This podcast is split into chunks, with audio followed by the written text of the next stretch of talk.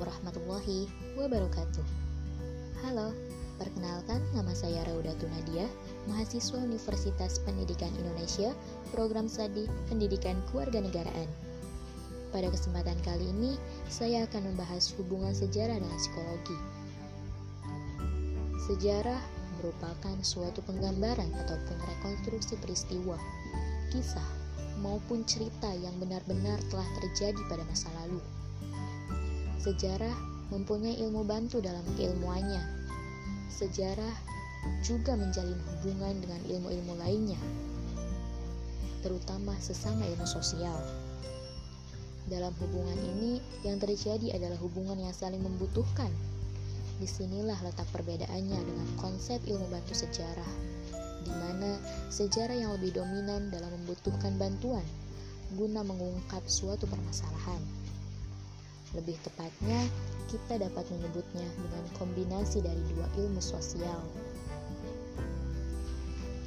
Ilmu psikologi sangat berkaitan dengan mental dan kejiwaan manusia. Manusia yang menjadi objek kajian sejarah tidak hanya sekedar dijelaskan mengenai tindakan yang dilakukan dan apa yang ditimbulkan dari tindakan itu. Mengapa seseorang melakukan tindakan itu?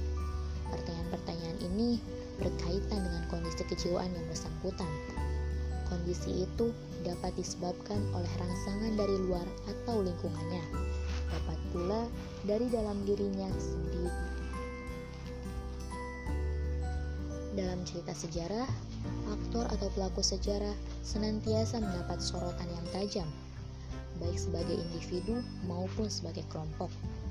Sebagai aktor individu, tidak lepas dari peranan faktor-faktor internal yang bersifat psikologis, seperti motivasi, minat, konsep diri, dan sebagainya, yang selalu berinteraksi dengan faktor-faktor eksternal yang bersifat sosiologis, seperti lingkungan keluarga, lingkungan sosial budaya, dan sebagainya. Begitupun dalam aktor yang bersifat kelompok menunjukkan aktivitas kolektif yaitu suatu gejala yang menjadi objek khusus psikologi sosial. Dalam berbagai peristiwa sejarah, perilaku kolektif sangat mencolok, antara lain sewaktu ada huru hara, masa mengamuk atau mob, gerakan sosial, atau protes yang revolusioner.